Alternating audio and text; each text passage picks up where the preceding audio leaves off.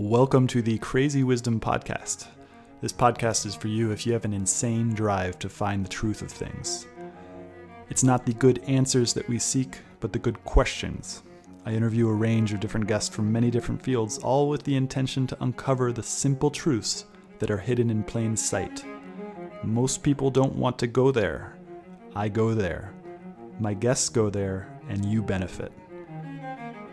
Please let me know if you enjoy these episodes, and as always, subscribe on iTunes, Spotify, or wherever you listen to the podcast. Welcome to the Crazy Wisdom Podcast.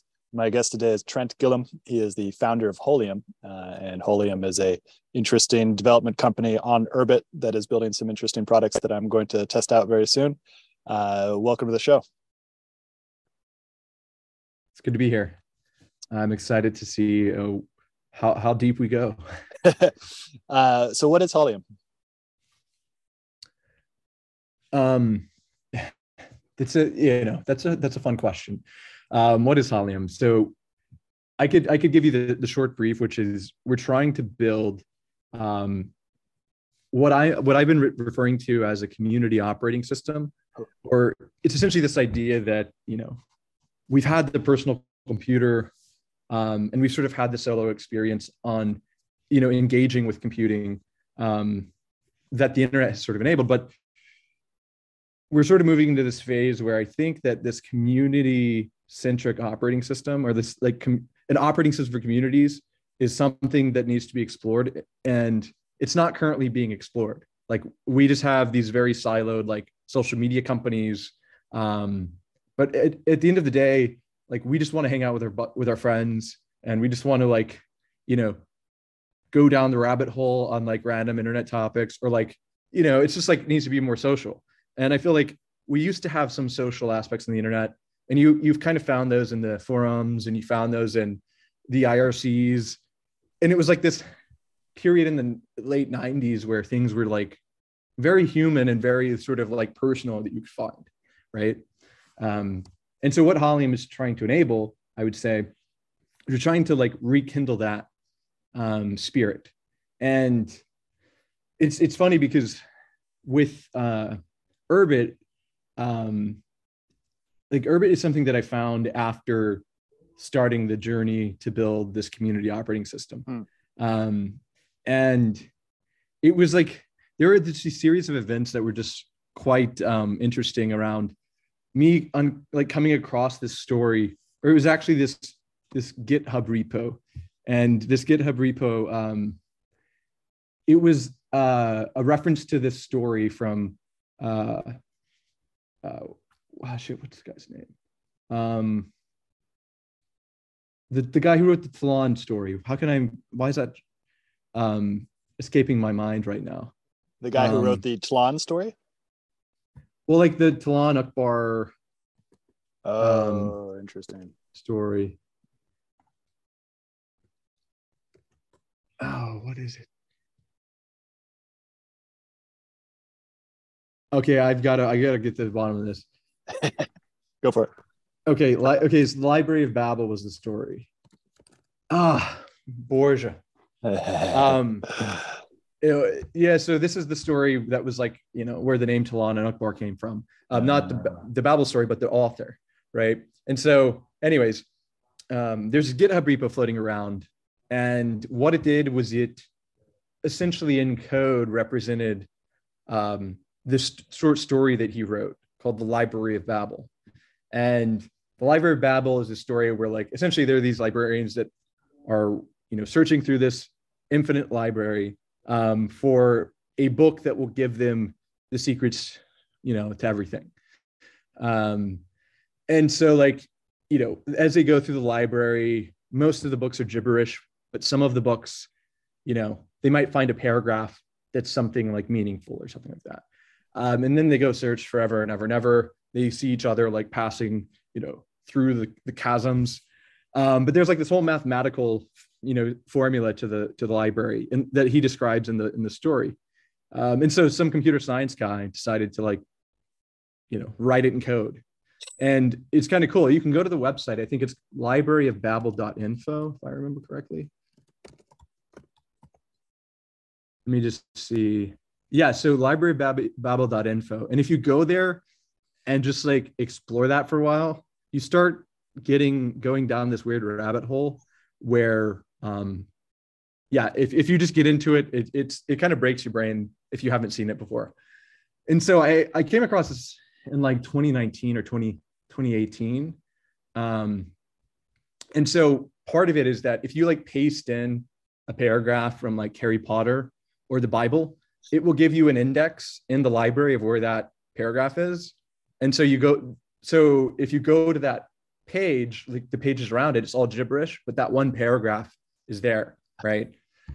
And it's kind of like this crazy, you know, mind fucking way. But the problem with prob, like, so it goes beyond this, right? So they also have a version of this for images, huh. right? So you can paste any image and it will give you essentially the index of that image, which is kind of like a hash. It's just a hash of it pretty much. But um, it's a similar sort of thing. And it begs this question of like, yeah, so it mm. would take, the, you know, the old, this is like prior to maybe quantum, like whatever advancing, you know, chips and stuff like that. But if you were go back in the day, like you essentially wouldn't be able to compute like all of the books that ever have existed using the algorithm from this story it would take like the until the end of the universe for you to like compute all all knowledge um and so the question goes to like well what how who makes sense of this information like like what is value about this information? And so for me like what i took away from this after like you know many you know many weekends of just like pondering pondering the orb on this one um it was like this idea that you know the human experience of the librarian searching is really what applied meaning to every piece of text that was there. And so like they were off searching for this answer. And it's sort of like the whatever like it's, like, uh, it's not about the destination it's the journey. Um but it's this, this sort of thing where like the actual most valuable thing is human experience because it is what applies the meaning to this information, right? Um, and so we can get into there's like so many ideas around this that that I can get into, but we have to get into like the, the topic of like the AI overlords that are that are being built right now. But um, but anyway, so this was like floating around in my head in like 2018, 2019. And um and and so I was like going down this rabbit hole on this. Um, at the same time, I was um, working for a machine learning AI startup. Um, we had sort of like started it up from uh, really from from nothing, and we had we had like clients in oil and gas in hmm. Canada. We had sports teams in Canada, real estate companies, and we essentially were building um, a fully automated machine learning platform back in like 2017. So this was like fairly early for the for the time um and so like that's sort of the rabbit hole i was going down and and i sort of came across this story around the same time i had this crisis of like the direction of my life mm. where we we had pitched to the head of this oil and gas company like the vp of engineering and all of this and this was like one of the biggest oil companies in canada we pitched to them this vision of the future that we were going to give them if they went with us, right? Because we were up going up against IBM and Deloitte and all these guys, um, and we actually beat them in the first bid for the pilot. Um, and then the second one was essentially if we convinced them, we would have like this five-year contract, right? Um, and so the pitch was that we were going to essentially build um, this system of models, um, and we were calling them essentially meta models where you would build all of these, you know, kind of lower level models that would predict certain things and then build on top of those like higher level models. And eventually you can sort of stack all of those on top until you could kind of simulate an entire division of their company. Hmm. Um, and we had done this in, in a few different oil uh, fields for them, right? So we had done this in probably like two or three oil fields, or yeah, I think about four. Um, and so the pitch was look eventually in five years you're going to have a whole division of your business fully automated and run by you know these algorithmic you know decisions. And i sort of left that meeting and i was thinking to myself that like there was this weird thing that coincided with there which was people that were working at the around like in the office on the projects we had just automated like there was a big like layoff.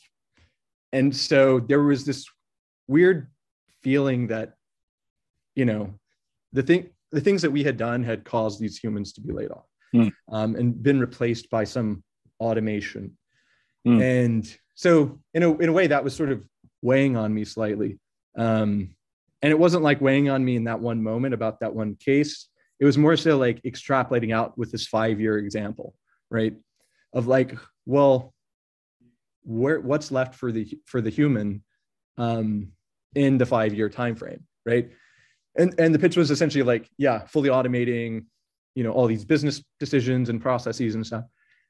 And so I kind of came out from that and went through this journey of, you know, it was almost like this sort of phoenix like rebirth cycle. It was like the sort of hero's journey cycle of death and the rebirth. Um, in that I realized that I no longer wanted to build systems that um, would automate and replace humanity. Um, and then instead, I wanted to build something that um, gave human communities like this sort of collective power um, that they didn't have before, right? And that's kind of this idea of the community operating system. That's kind of where it all started. Was like, how do you go up against these like centralized AI systems? Um, and the thought was, well, if you could build a like a community operating system that was able to leverage the creativity and the sort of like areas of expertise of all these disparate humans and you could like call it up at the right moments and the right time um it would actually it had the potential to be you know as fruitful as sort of like a centralized model where you would just have like this networked way of like leveraging humans for for information for sourcing and gathering and like decision making um, and so then i started thinking about things in that perspective to like well no let's actually super supercharge or superpower you know people um, to make decisions and do things um, together right? So this was like this whole journey. This you know you asked me you know what's Holium here we are you know down the rabbit hole on this long description. But at least i gave the short the short one at the beginning. Um, so anyways all that to be said that was the foundation that then led me to urbit right? And when i got to urbit i saw a lot of things that were that sort of resonated with me um, that kind of hit the same chord. Um, and i think that a lot of people were sort of feeling this um, and especially i think during like the covid period um, there's a sense of like like these these wraiths that were that have somehow been let, let loose um, whether they're just sort of like this mass data collection and sort of authoritarian like you know control that we experienced during covid. You see it like in china you see it you know just kind of boiling out. Um and then people you, then you had this sort of weird thing that happened on the internet where like you know i went on these discord servers and it was just like us chatting um, during like COVID and everyone was isolated. And like there was this, this sort of human connection that happened in these like weird, you know, science and like technology, like discords where people were just like being human, right? And being like supportive and like everyone was really nice. Um, and people would like come in and like vent against like their life problems and ev- like people would just try to help them and it was like this weird thing where like you think of the internet where with like it being 4chan or something. Like you get on there and someone's like man i had a bad day and they're like you know screw you man. Like, man up know, yeah. just yeah like just throw pepe memes at them or like a sad like so but like in this moment there was like there was like this humanity that came out and it and so i was like okay like i want to build something that just maximizes that right? That supercharges that like positive energy um and so yeah, like all of these things led me to Urbit. Like all of these moments were sort of part of the story. And then when I found Urbit originally, I was, you know, I was captured by the ideas. And then when I got to this actual, you know, groups, I like got on, I was chatting with people. I was like, this is cool. And then my ship breached, like something crashed. I didn't know how to run it properly. I don't know what it was. Um, there was an OTA or something and it broke everything. And then I just left it. Right. And I went off and did my own thing for a while. Um, and I started building this thing I was calling at the time Community OS fully outside of Urbit. I was building it from the ground up. And in, in a way, I was like building Urbit. But at the time, I didn't know like how substantial Urbit was going to be to me actually building this. Um, and so I went off and tried to build a peer-to-peer database system that was a little bit different than the way Urbit does it. Um, where essentially there's this like concept of like this global blockchain um, that would essentially manage, or like this global network that would manage like um, almost like ZK invites to what were called um, bridge nodes or door nodes. Um, and essentially, the way it would work is like you would issue an invite to someone, they would get that invite, the the global network. In this case, we I was building everything on Polkadot. Um, hmm. It would sort of relay um, you to this uh, door node, and if you had a valid um, invite, it would check, you know, signatures and everything. Um, then it would transmit you the peer list of this private community network, right? And everyone in there has the peer list of everyone in that community, and they could like all talk. Um, they could share information. Like essentially, everyone had a node running on their computer, right? And this was the idea, you know, that I was building outside of Urbit. Um, and part of that was like doing all of the technical work to get there and it was just like a lot, right? Um, and were you on your own on this? yeah, at the time I was. I was on my own. I'd like gone through this period where after I had that moment with the oil company and like deciding I wanted to change the direction uh, that I was going in, I ended up leaving um, that company. And then I found myself in another company. And at the beginning, you know, we thought it was going to be you know this positive thing and it just ended up like i just started get going to these startups with that had all these ambitions to be like impactful. And at the end of the day when push came to shove the investors were like no just make it an ad business. Um, and then you're like fuck. And then so you go to another one and it's like oh, just make it an ad business. And you're like oh damn it. Um, and then i kept going through these, this experience and i was like fuck it. I'm gonna start building this on my own. So essentially, I would get up at like 3 a.m. or 3:30 every morning, and I'd work from 3:30 until um, like 8:30 or 8 um, on Community OS, and then I'd go into work like at another startup. And then after about a year of that, that was um, uh, October of 2021, and that was when I went to Assembly uh, in Austin. And that like that when i was there that's when i was sold on urbit there was like this moment where i saw the software distribution demo and mm. i was like and then i also just realized that what i realized was that there's more to it than the the groups chat app that was mm. this clanky you know janky little thing um and then i was like these are all this is essentially everything i've been trying to build and I learned over that year that I really don't want to build the low level technical stuff. I want to build the, the product that sits on top. I want to build this, the, the vision of what this enables rather yeah, than building yeah. like the, the, the foundational technical layer. And that's what Tlon is doing. Tlon is basically building the foundational technical layer, right? Yeah. I, well, I think that's that's what they've been doing for a while. But I think but now recently, they have resources to build some onto what pro- other products as well. Well, I believe that um, there's like some shifting going on where mm. a lot of the core development is going to the Urbit Foundation, mm. and it oh, seems right. as though Tlon is is getting more focused on the product side, Mm-hmm. um, which is great for us because that means that we have more exposure to core developers um, because now they're in a foundation. Oh, Um, interesting. Yeah, but I think that that's kind of what's there's like a little reorg that's happening.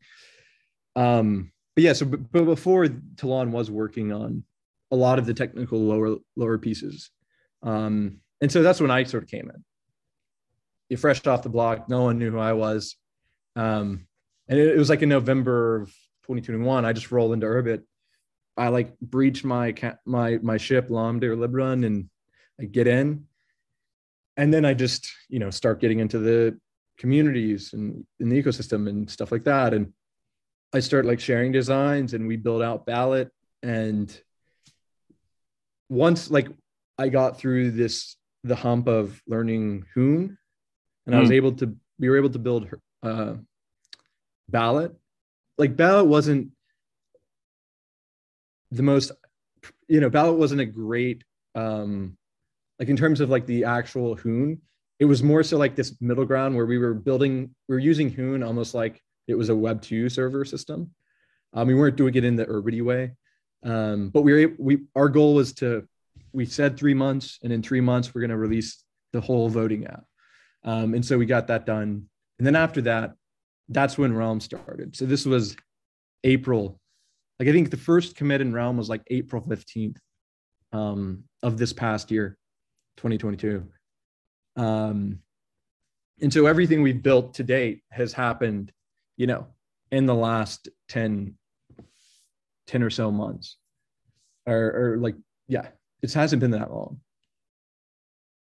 Okay, so this is really there's a lot of questions I have about about what you just said, um, but I think the a couple of the most important ones have to do with AI, uh, what you learned about AI, uh, but then also I have a lot of questions about Hoon and like what is the main difference between writing a client server program versus writing a program that's native to Urbit on Hoon, where all of that kind of thinking that goes behind databases is now changed to something that is peer to peer.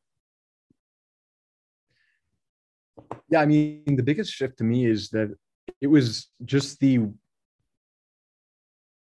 the sort of concept of maybe like the the very like like the single level store sort of concept or like like is the way it works with you know the current web 2 space is that you've got your database set up and you have a whole team working on the database.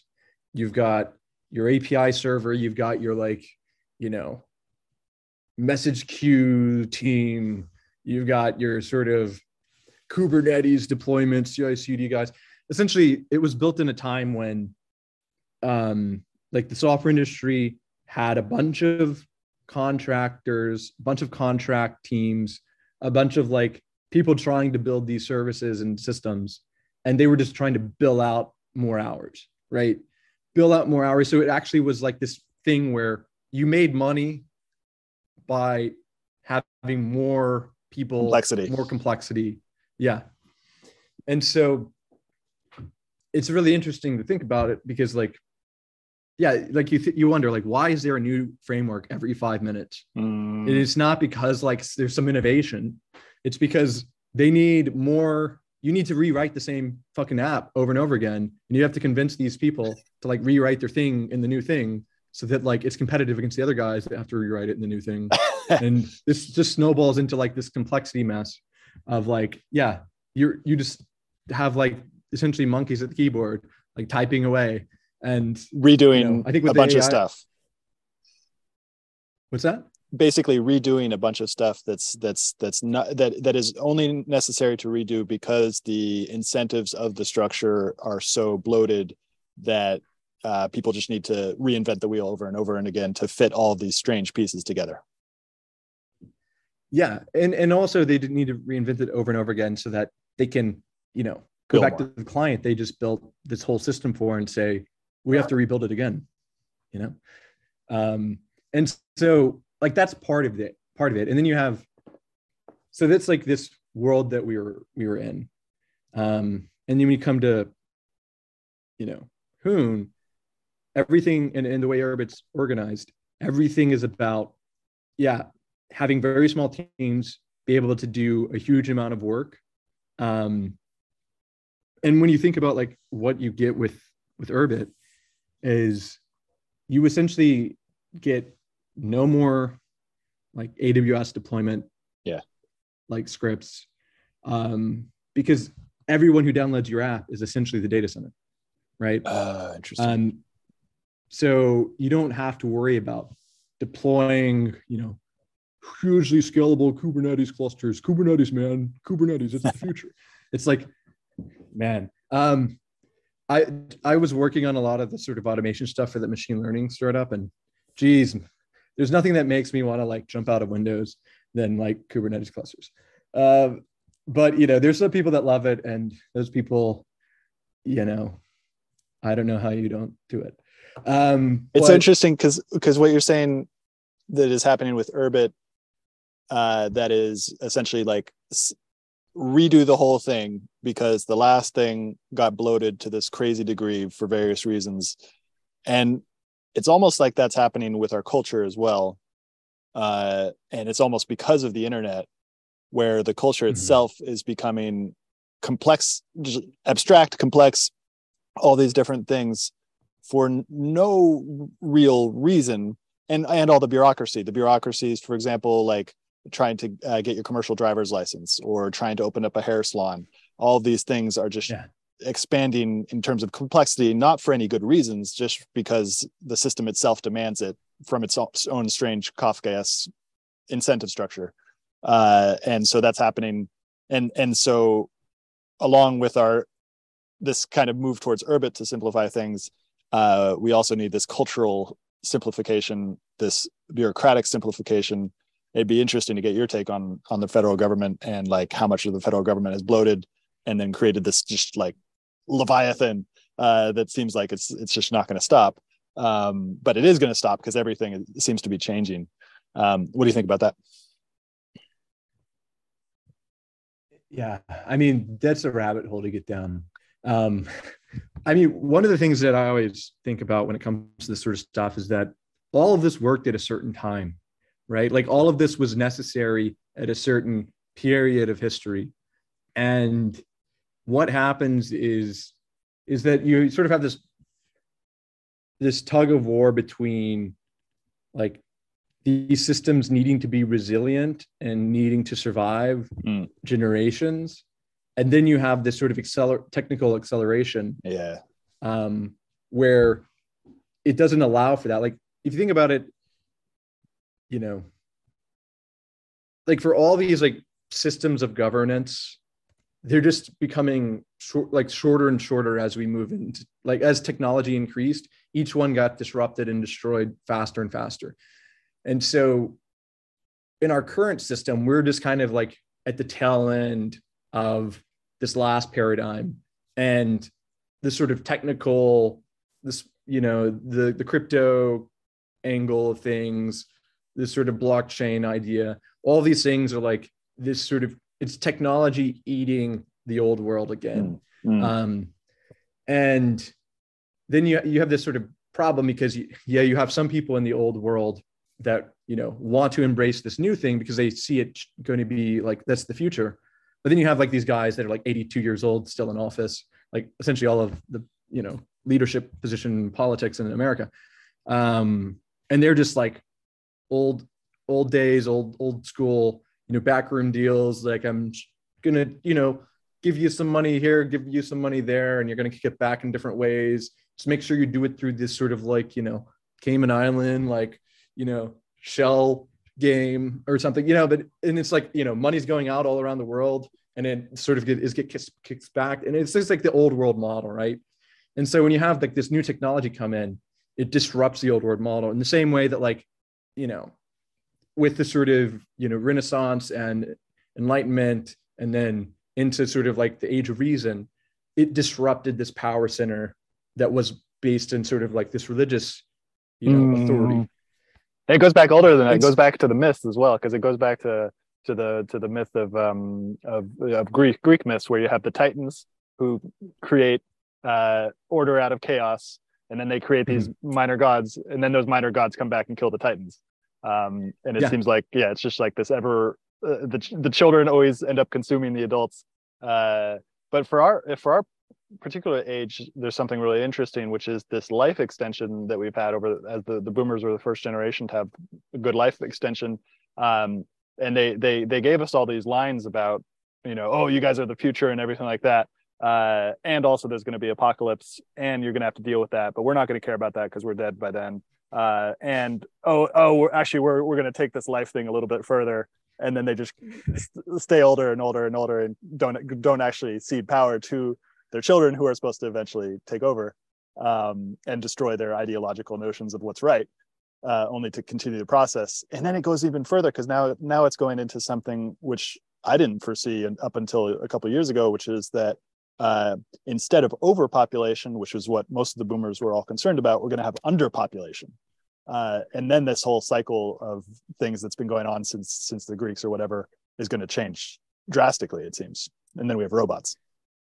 Anything spark spark in terms of that that you want to talk about? Well yeah i think the like the one thing that's interesting now and and and this is something that i always i frame the modern era in this is pe- people say like oh there's this always happened in the past and all this i'm like yeah in the past it was regional it was like you know in different regions of the world, different nations. But now, because there's this convert cultural convergence that's happening yeah. with the internet, it's sort of pushing us towards this like cultural convergence. You can see it everywhere. It's like you know the global homo sort of like just you know all of that sort of idea um, spreading around. Um, it's like the idea of Netflix. Like it was this very profound moment when I was in like random backwoods Mexico, and I log into like the host has like, hey, like you can use my Netflix account. And I log into his Netflix account and I see all of the same shows that I saw at home. Um, and it wasn't because it was, you know, you know, an Airbnb and it was like the local, like a bunch of Airbnb people were viewing it. It was actually his personal Netflix. Um, and so when I saw like essentially like what the internet has done is it's destroyed any sort of cultural resilience mm-hmm. um, in these different regional areas, right? Um, and so what the problem with that is, is that let's say we fucked up, you know, mm. back in the day, if someone fucked up, you know, yeah, population decline in a certain region, you know, oh, they can't like grow enough crops because like, you know, all the farmers are, uh, are dead and all the kids are, you don't know what they're doing um, whatever, like whatever the case was, like that was all isolated. Now, you know, there's this potential for this thing to happen at a, you know, worldwide scale if we keep like converging. And so this actually plays into what the sort of vision of, of like Holium is. And it's this vision of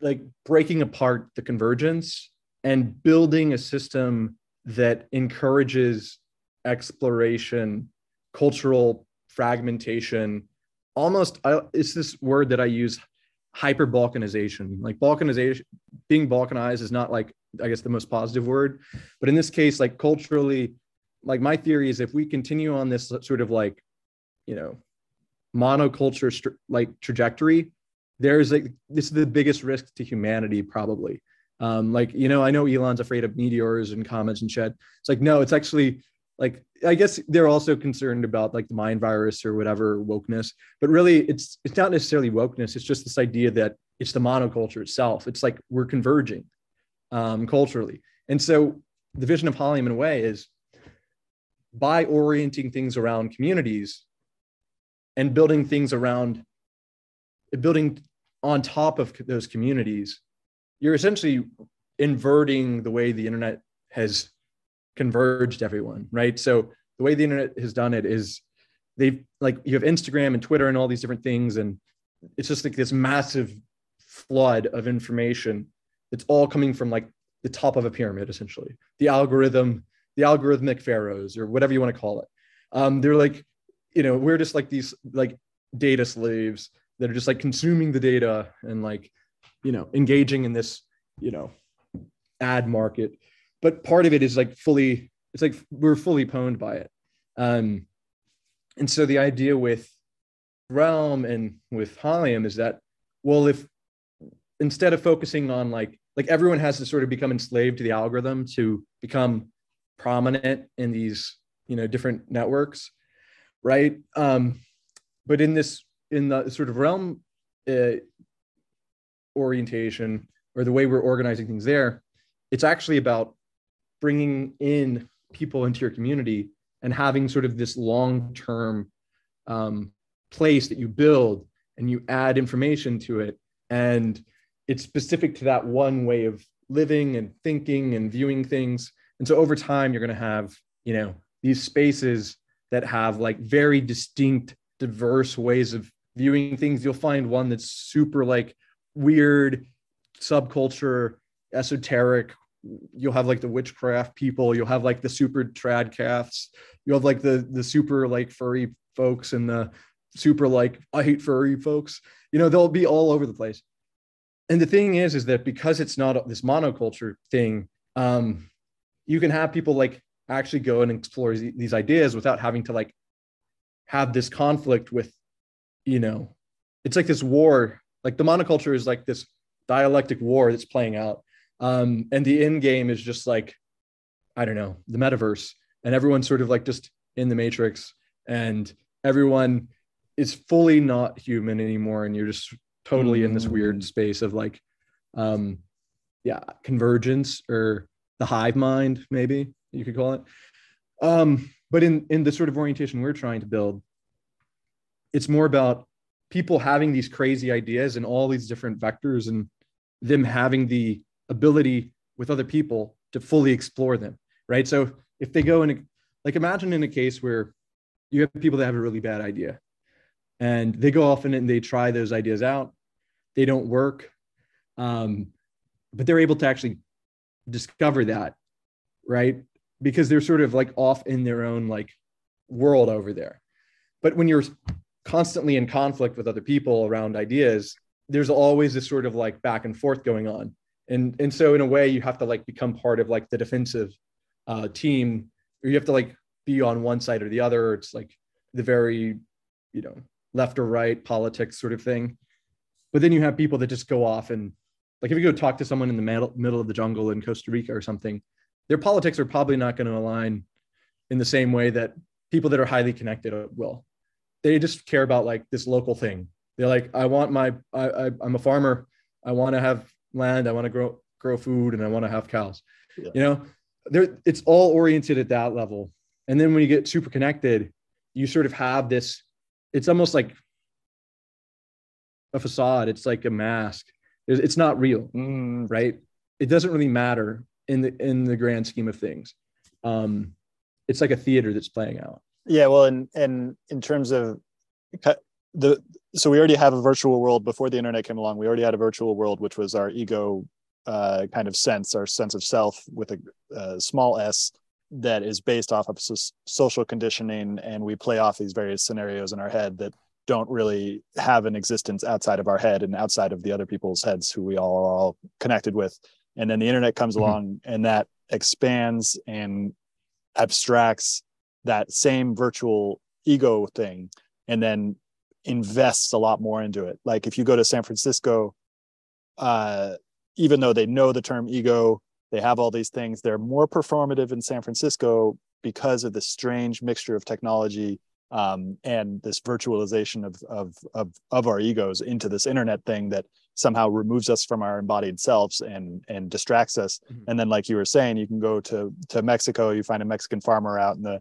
in the jungle or whatever. And that person is highly, highly focused on very, very simple things like food, water, all the, and, and has politics. I'm not saying that, that it's somehow better there because because mm-hmm. a lot of the politics are very very low fidelity when you talk to people out in the in the in the in the forest or whatever.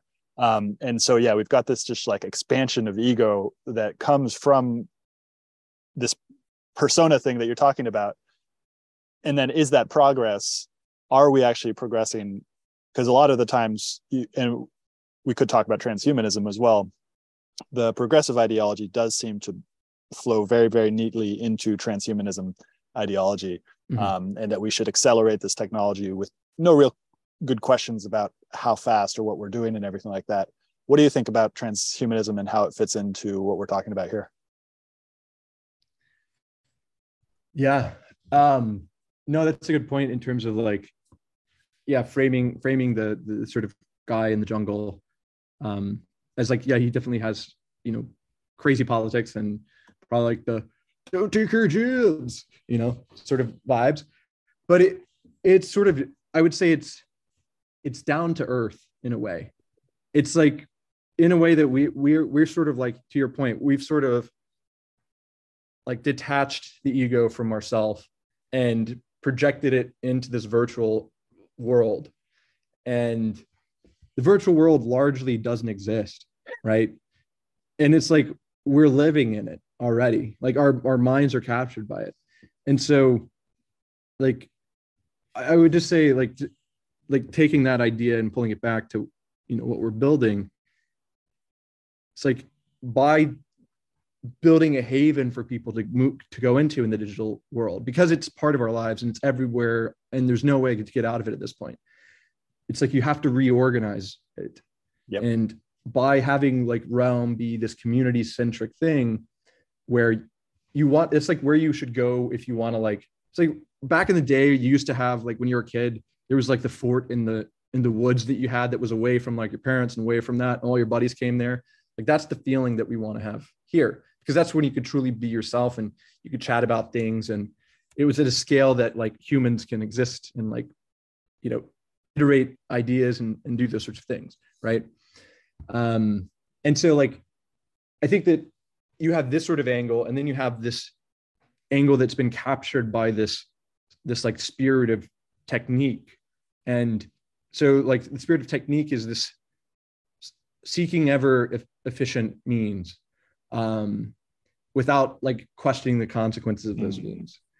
And so, like, I actually would refer back to um, the French uh, thinker uh, Jacques Ellul because he um, wrote the Technological Society. He wrote a book about propaganda. These are all written around the 50s and 60s. And so, what he does is he deconstructs um, technology as sort of the tool and technique as this almost Luciferian hmm. spirit that captures people.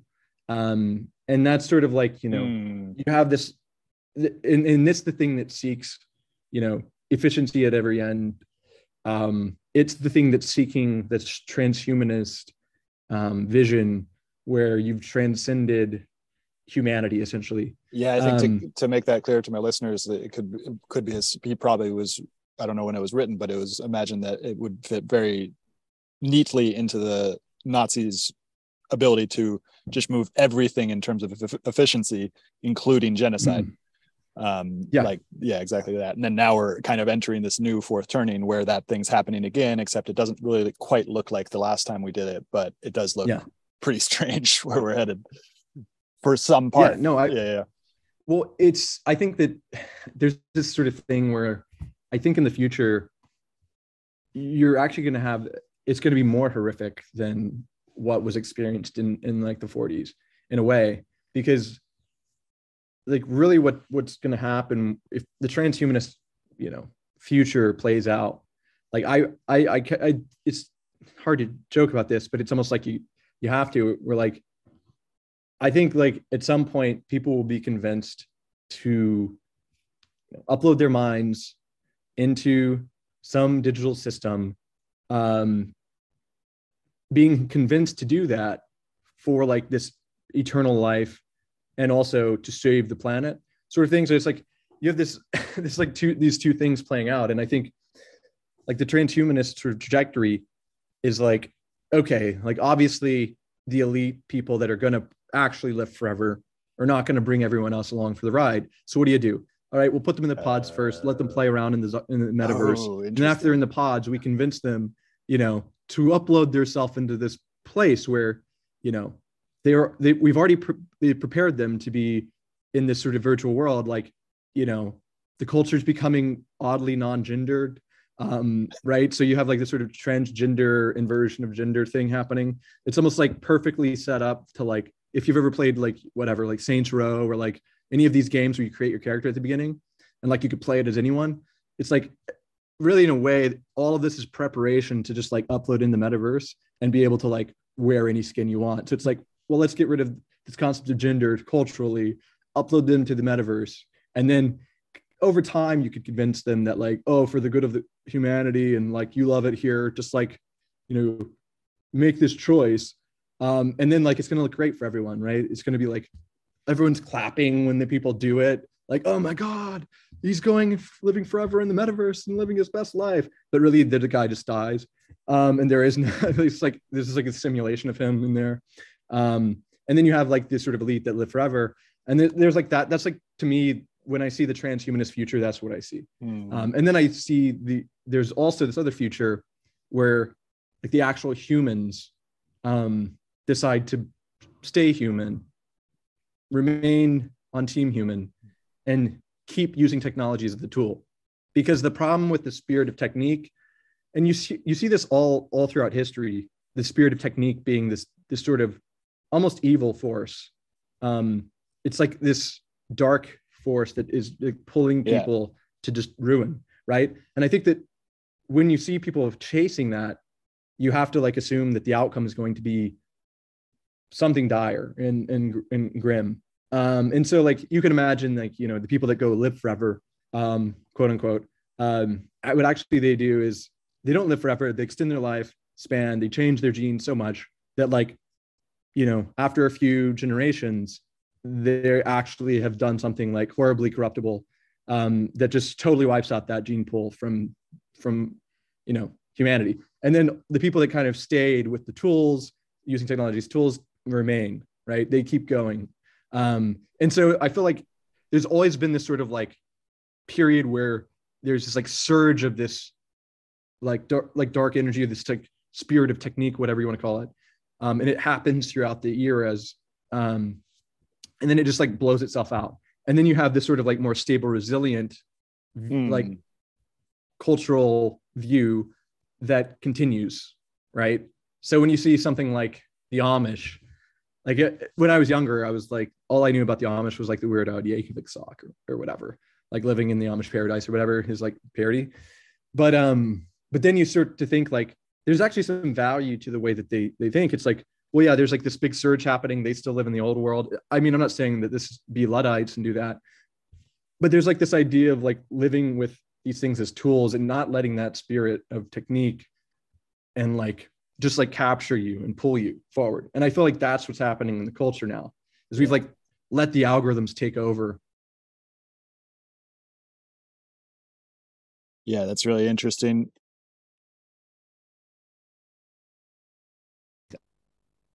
Yeah, that's really interesting. Trent, are you still there? Yeah. Yeah. Sorry, I lost you there. Um, that's really interesting uh, the Amish, it's almost like the Amish are, to use Taleb's terminology, are one experiment in terms of anti-fragility.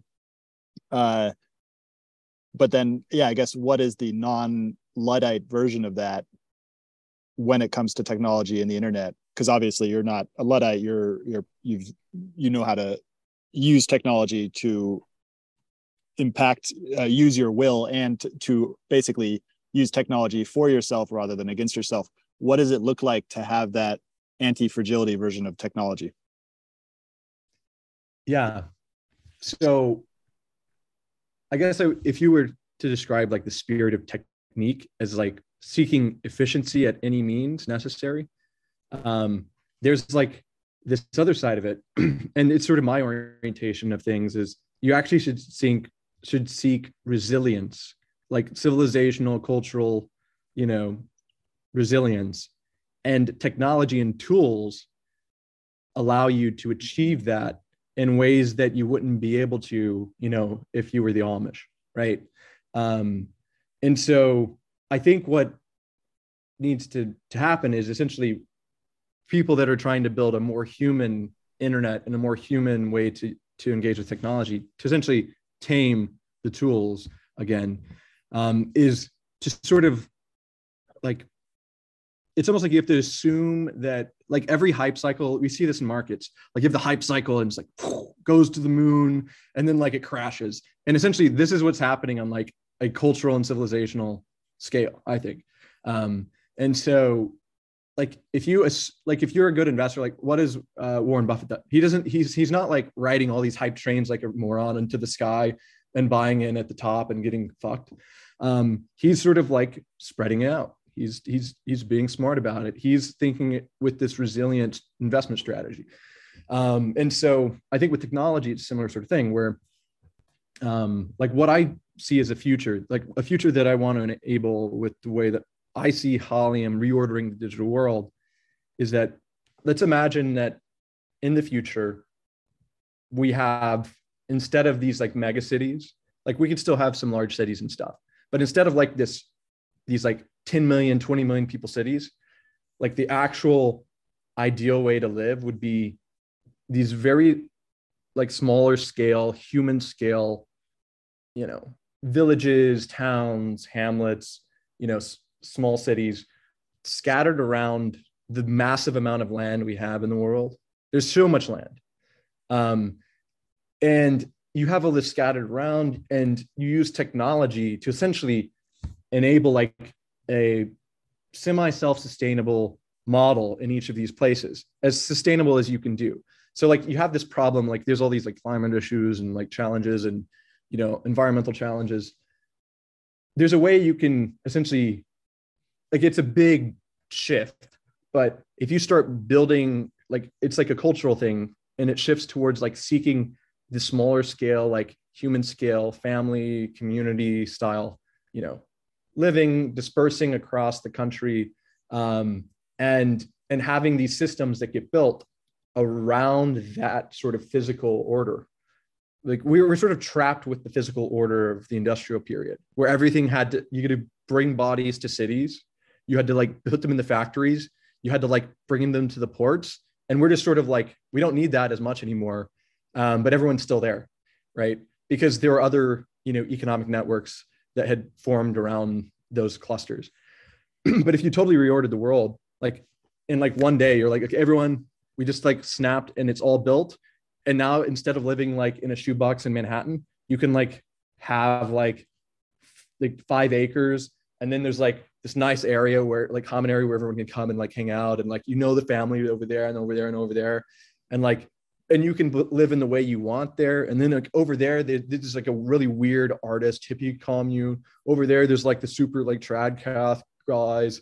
And like you'll have all these different ways of existing that aren't like put together in a tinderbox um and i think that that would allow for like more human exploration if you don't like certain things you could like explore these different ways of living. You know i think there's a huge amount of value that can come from this. But anyways like think about what we we're doing today with realm is we're trying to take the chaos of this sort of like centralized economic you know ad algorithms um, and we're trying to pull this like community reorientation out of it. Um, and so what you what a space could end up being is if you put it in the physical world, like a space is almost like it's like a digital town.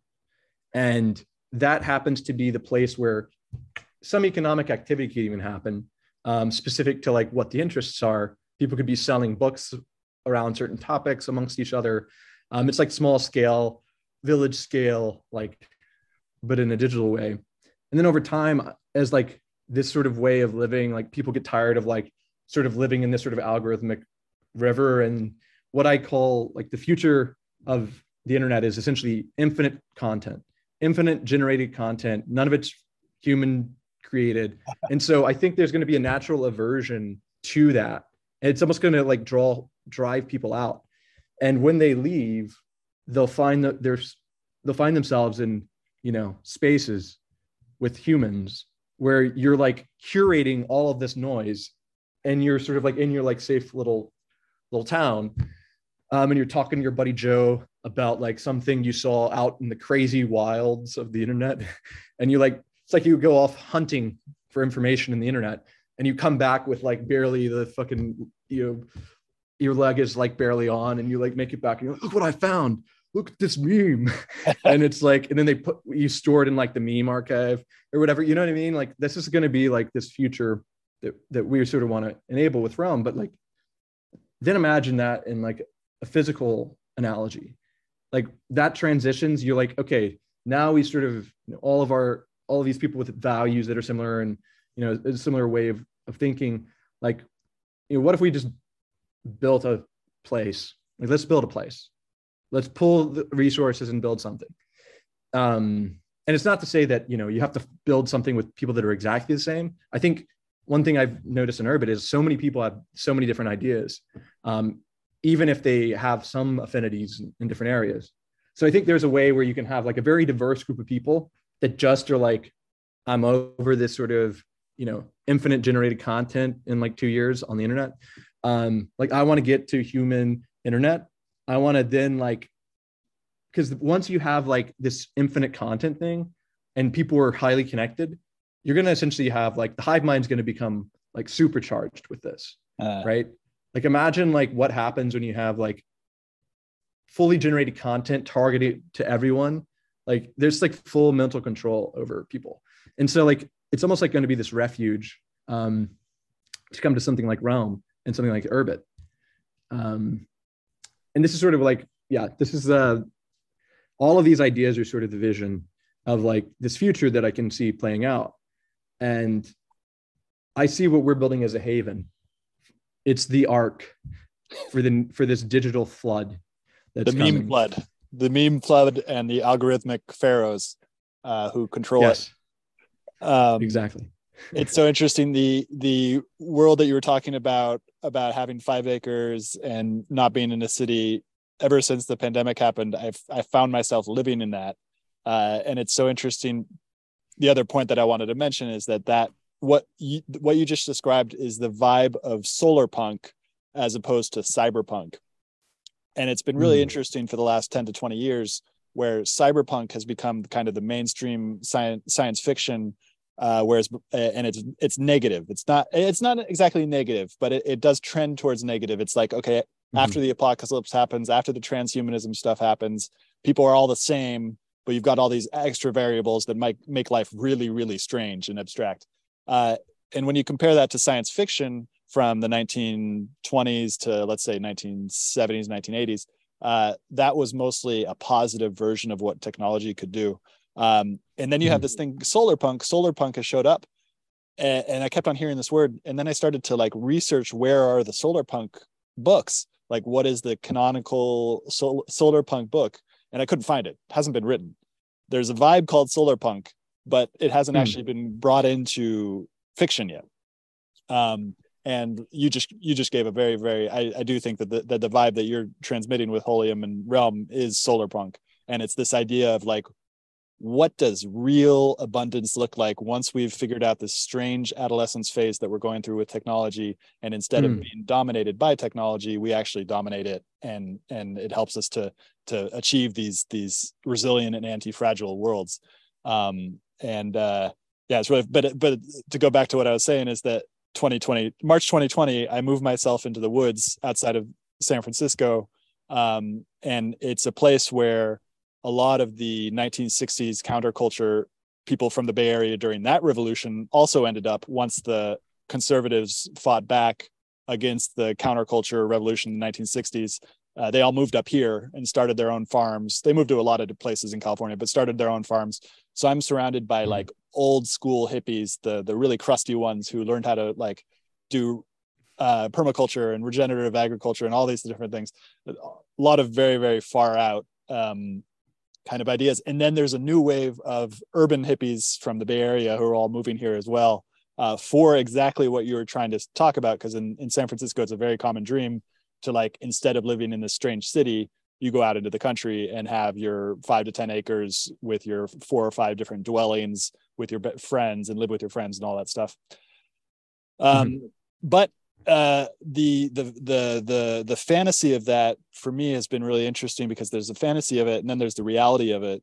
And the reality of it has been a very very different journey. Um uh all these things that the amish basically are given from from their early upbringing and like learn all of it from the beginning is is is uh like you, it's like a hundred different skills uh Mhm. it- that are required to live live in that way Um, and so I, I'm I'm personally learning that the difference between like the goal of having that solar punk world versus mm-hmm. the the kind of also growing up in a city and basically having all of these abstract skills as to how to relate to other human beings also who live in the city but then having none of the foundation of these very very practical things about how to build a, a shed mm-hmm. or or uh, you know like all these different problems that show up.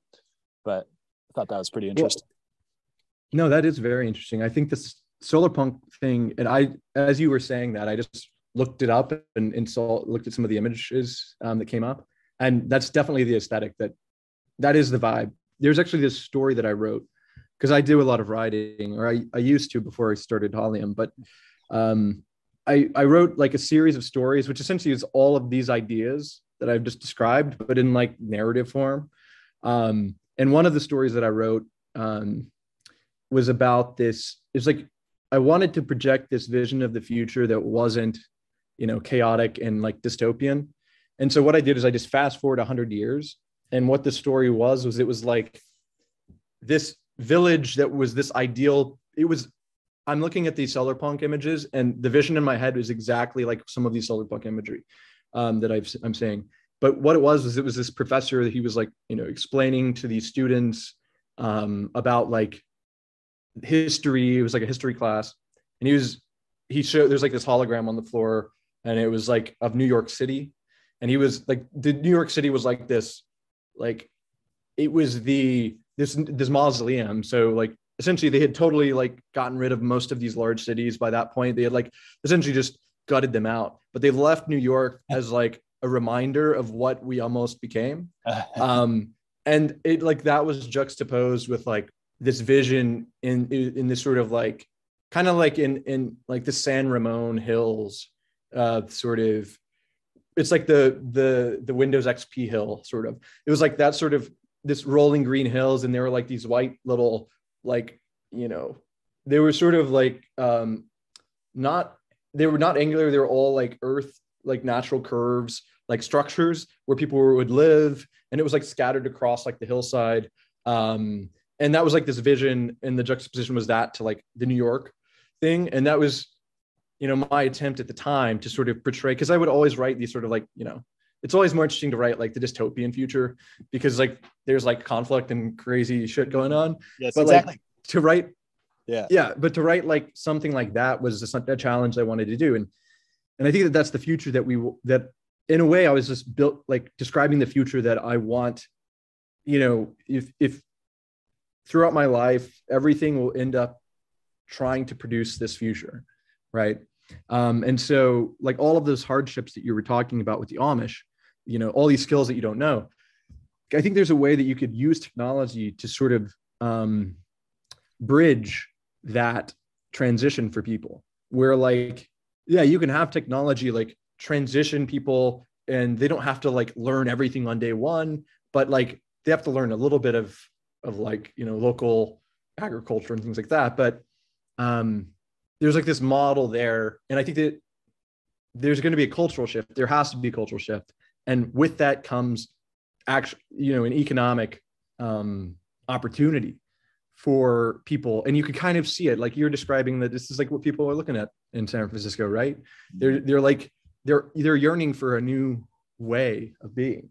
Um, and i think that just being able to facilitate that um, is how is is like a very lucrative thing. And my thesis is that you have to start with the digital world first. Like if we can't get the digital world reoriented in that way um, and we can't get to like these small scale like community os kind of ways of organizing information and and communities digitally then you're never going to get to that in the physical world right um, mm. so you're sort of bootstrapping culture and community digitally and then trans trans uh, transmuting that into like the physical reality.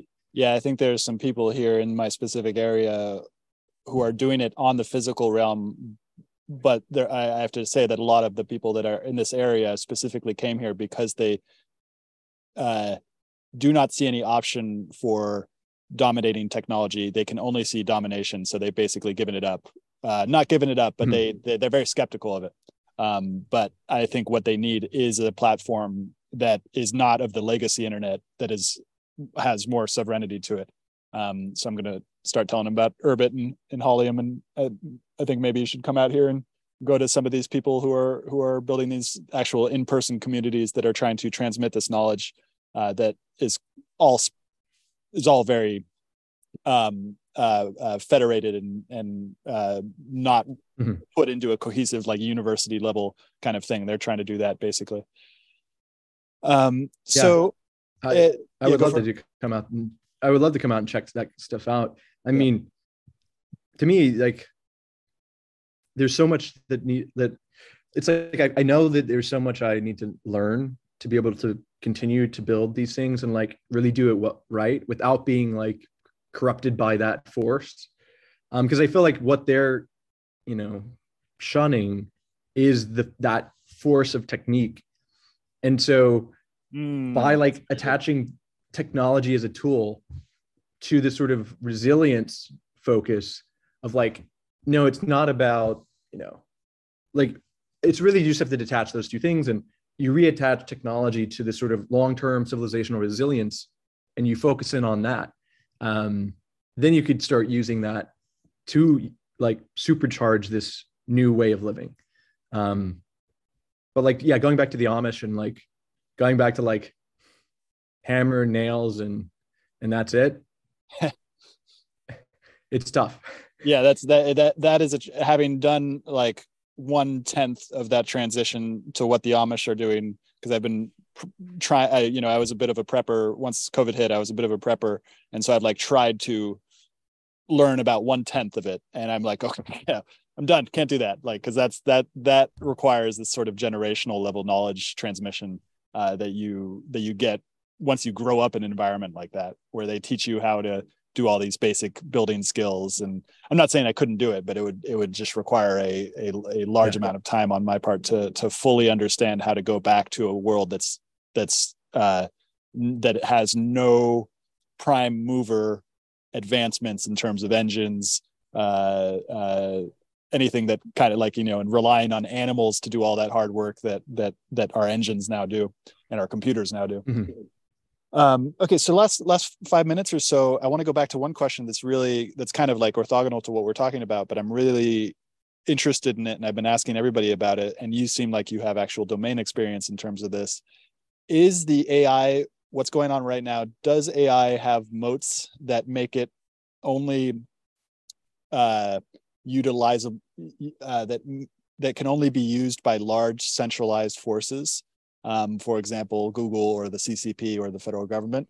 Or does the open source artificial intelligence, machine learning type of thing, does that have a possibility? Because that seems to be the funda- fundamental question, actually, that what we've been talking about in terms of technique as well is like, is this capturable by centralized forces or is it something that can be decentralized? I think it's something that could be decentralized. I think that's something that it's definitely on on my mind is that yeah, it's not about rejecting technology or that the technology that's captured by technique. It's not about rejecting those things.